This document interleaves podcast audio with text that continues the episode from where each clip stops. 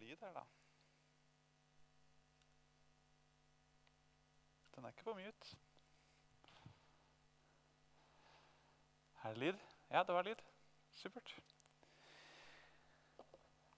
Yes, Godt å være sammen med dere igjen. Eh, for de som ikke kjenner meg, så heter jeg Marius.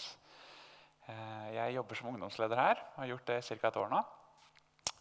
Egentlig fra Lillehammer, som dere kanskje hører på, på dialekten. Så jeg skal, jeg skal, dele noen tanker, eh, tanker, med dere i dag. Jeg tenkte ikke jeg skulle dele så fryktelig mye, fordi det blir ofte litt langt når det er nattverdsmøte. Så jeg tenkte jeg prøve å holde det kort. Eh, men før det så tenkte jeg at vi kan eh, be for eh, Helene. Hun er på, Elfenbenskysten. Krevende arbeid. Eh, har et hjerte for å nå folk med evangeliet, de gode nyhetene om Jesus. Og jeg bare kjenner at Det har jeg lyst til å stå sammen med hun i og heie på hun og, og bare løfte hun fram i bønn. Én ting er at vi kan gi. og Tusen takk til dere som har vippsa og ønsker å stå med Helene på den måten. Gi til det arbeidet. Ellers hadde vi ikke hatt mulighet til å reise til Elfenbenskysten eller andre land. Eh, men eh, vi ønsker også å stå med henne i bønn. Så kan vi ta og bare be litt, alle sammen? Kjære far, jeg vil bare takke deg for Helene. Eh, takke deg, Herre, for det kallet som du har gitt henne. Eh, det, den lidenskapen du har gitt henne, Herre, for å gi deg videre. Og eh, takker deg også for den tida som vi hadde sammen med henne her. Det var vel en, en fem eller seks år eller noe sånt, hvor hun gikk ganske jevnlig her. Eh, det var en velsignelse for oss, Gud. Og jeg bare ber om at hun skal få lov til å være en velsignelse. Må du eh, gi henne frimodighet og kraft og tro og håp eh, der hun er i, i Elfenbenskysten, og få lov til å dele ditt ord, eh, dele et smil, en oppmuntring, eh, dele helsehjelp med de som er i området der. Og vi ønsker også å være med henne og be for det hun nevnte, om at lokale folk, at lokale evangelister skal ønske å bli med og, og være arbeidere i din høst, Gud. Må du kalle på folk, må du sende folk. Eh, og må du styrke det arbeidet som eh, pågår der. Det ber vi om i Jesu navn. Amen.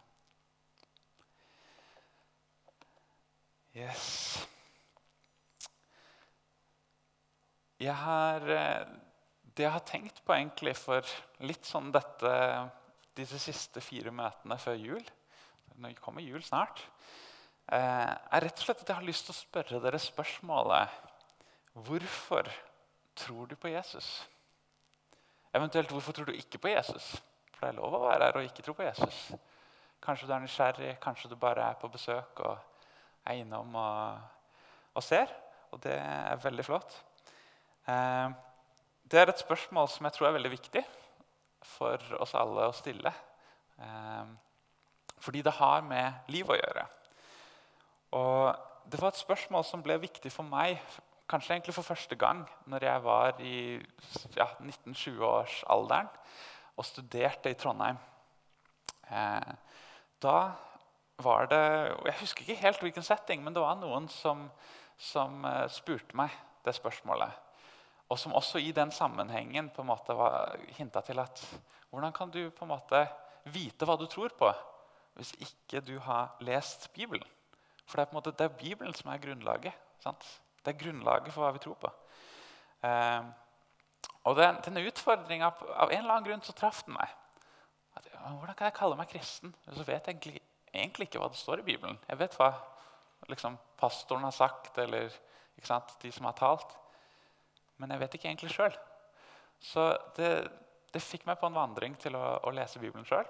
Jeg satte av 15 minutter, 20 minutter hver dag. Og så kom jeg meg gjennom hele boken på et år. Det er ikke så mye. Og, og, det var en utrolig spennende vandring. altså. Og utrolig mange ting som jeg oppdaget i løpet av den tiden. Eh, og før jeg, jeg, dro på den vandringen, så, så vil jeg egentlig si at jeg, jeg, jeg, tenkte om meg selv at jeg var en god kristen gutt. Jeg gikk i kirka jevnlig. Faktisk så husker jeg til, eh, til min ja, til min skam nå kanskje, kan man si, at jeg skrøt av at jeg gikk i kirka minst tre ganger i uka. Sånn, For jeg gikk på krikk, gikk på laget og i kirka. Og på kristne møter, vet du. Eh, og nå skjønner jeg at det var jo bare idiotisk. Men i hvert fall eh, I møte med Bibelen så fikk jeg se meg selv. Og det er det som gjør at Bibelen er så unik som bok. er at Alle andre bøker leser du for å få kunnskap, for å få innsikt i ting. Eh, for, du, du blir gjerne påvirket emosjonelt hvis det er en sterk historie.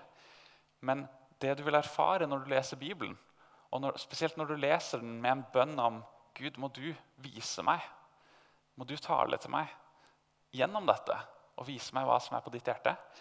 Det du vil oppdage, er at Bibelen leser deg.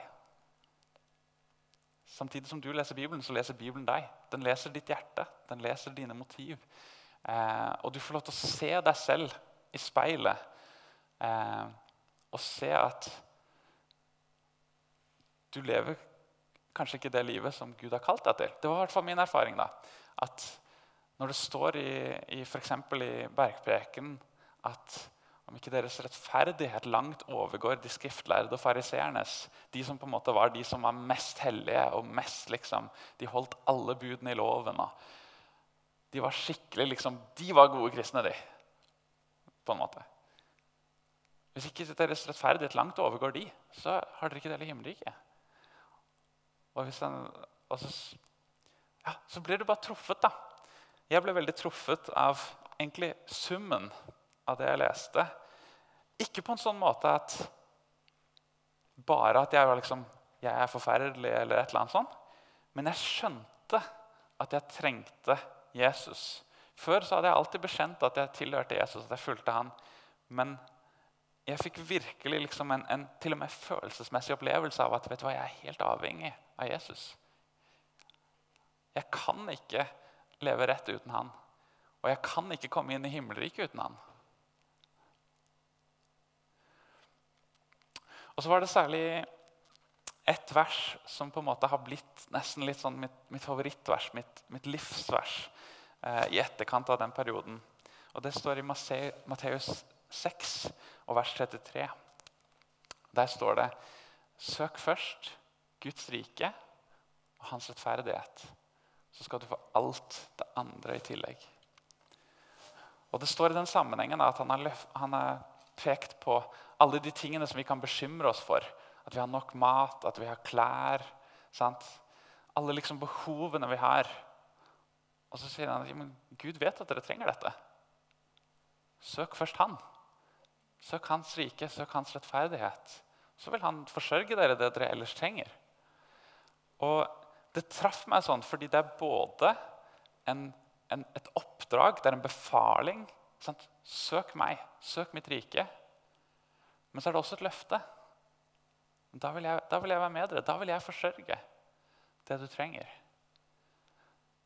Og det er det vi trenger. Vi trenger både å bli utfordra. At vet du hva, ikke søk ditt eget. Ikke, prøv, ikke, bare gå etter dine egne ønsker og din egen vilje. Det vil bare føre deg helt ned i, ned i dumpa. altså. Men søk meg, og da er det også et løfte. Ja, men da vil jeg forsørge for deg. Eh, tingen er at vi, vi, alle sammen vi bygger livet vårt på en eller annen form for lære. Og den læren som vi bygger livet vårt på, den får vi fra en eller annen plass. Og de aller, aller fleste de følger det som er populært. De følger det som er trendy, det som er in, og tenker at det er sant. Men det som er trendy, det endrer seg jo Nå virker det som det endrer seg hver dag. Altså Det endrer seg fra år til år. At noe regnes som sant. Plutselig så viser vitenskapen noe helt annet. Plutselig så tenker filosofene noe annet. Plutselig så kommer media på en eller annen trend, og så er det, det helt ute. Og alle som tenker det, de er helt idioter. Altså, for, det var bare noen få år siden at man, man tenkte at, at, det å det å leve eh, Det å leve f.eks. Eh, eh, det å ikke gifte seg, da. altså det å leve i samboerskap. Altså når mine besteforeldre vokste opp, så skjedde det knapt. Det skjedde, men det var veldig skamfullt. Og barn som ble født utenfor ekteskapet, det var kjempe, kjempeskamfullt. Mens nå er det liksom helt akseptert. Sant? Trender endrer seg. Noen får det bedre, og noe for det verre. Og så er spørsmålet, Hvordan navigerer vi dette landskapet, som nå går raskere og raskere fordi man har tilgang til Internett, og det skifter så mye? Vi får kultur fra USA hele veien. Og også hvordan kan du som kristen eh, svare dine kollegaer, dine venner, som lurer på Du tror på dette. Jeg syns det er idiotisk. Hva, for, for, Forklar. Eh, og de spørsmålene får man. Så hva er det du bygger livet på? Noe av det jeg har lyst til å fokusere litt på de neste månedene og, og Vi skal ha eh, Eivind Lindkjørn eh, neste uke. Og Det blir veldig spennende. Han har en gave til å bare tale skikkelig tydelig og bibelsk inn i livet. Eh, så det gleder jeg meg til. Og, og det er rett og slett kan kan vi bygge livet på Bibelen.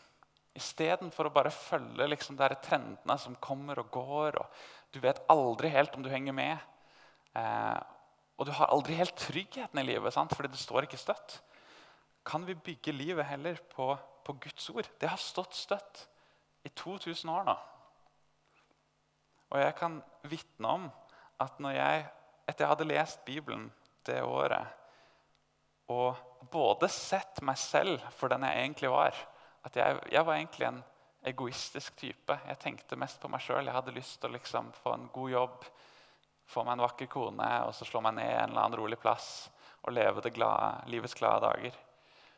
Og så, fordi jeg stilte de spørsmålene jeg stilte, hvorfor tror jeg egentlig på Jesus? Hva er egentlig meningen med livet? Hva er det, hva er det som er mitt oppdrag her?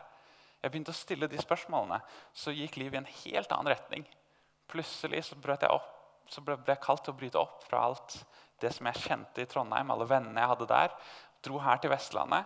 Jeg hadde aldri vært i Vestlandet. Jeg kjente ikke én person. Og det var perfekt for meg.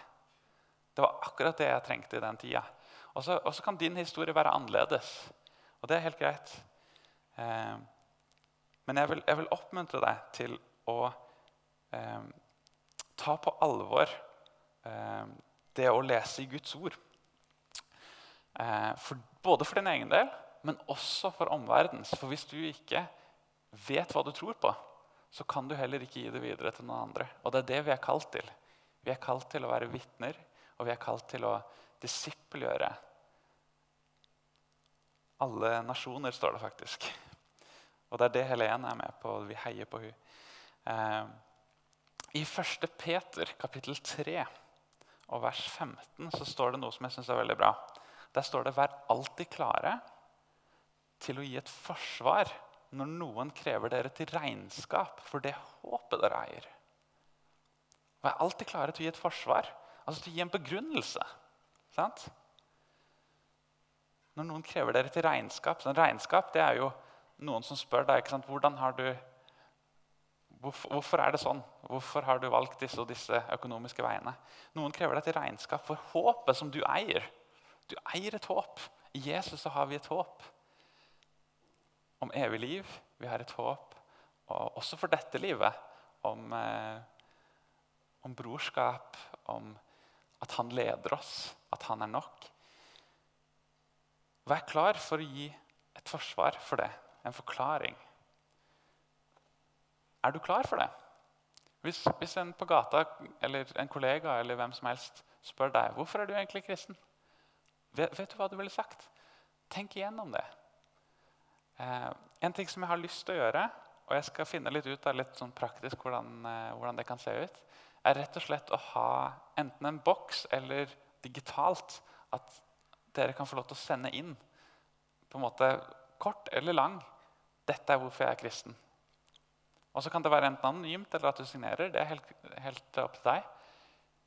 Men så tror jeg at, at det vil være oppmuntrende for oss at vi kan eh, At jeg kommer til å trekke ut noen av de, og så kan lese og høre Ok, det er noen her i fellesskapet som Dette er grunnen til at de tror på Jesus. Så oppmuntrer vi hverandre ved vår felles tro, sånn som det står. da. Men i hvert fall, tilbake til, til min prosess i Trondheim. Jeg oppdaget ikke bare at jeg var en synder, som, eh, som Bibelen sier. At, at, jeg hadde gjort ting som var galt, at jeg søkte det egoistiske. Men jeg oppdaget også at Jesus han har gitt sitt liv for meg. Og det er det vi skal feire i nattverden i dag. er At Jesus han ga sitt legeme og sitt blod til en soning for våre synder. Han tok vår straff, slik at vi kunne få lov til å gå fri. Ikke bare fra konsekvensen av synd, men av eh, makten av synd i våre liv. For han vil ikke at vi skal leve under han, han vet at det ødelegger oss. At vi lever i synd. Han vil sette oss fri også fra makten av det.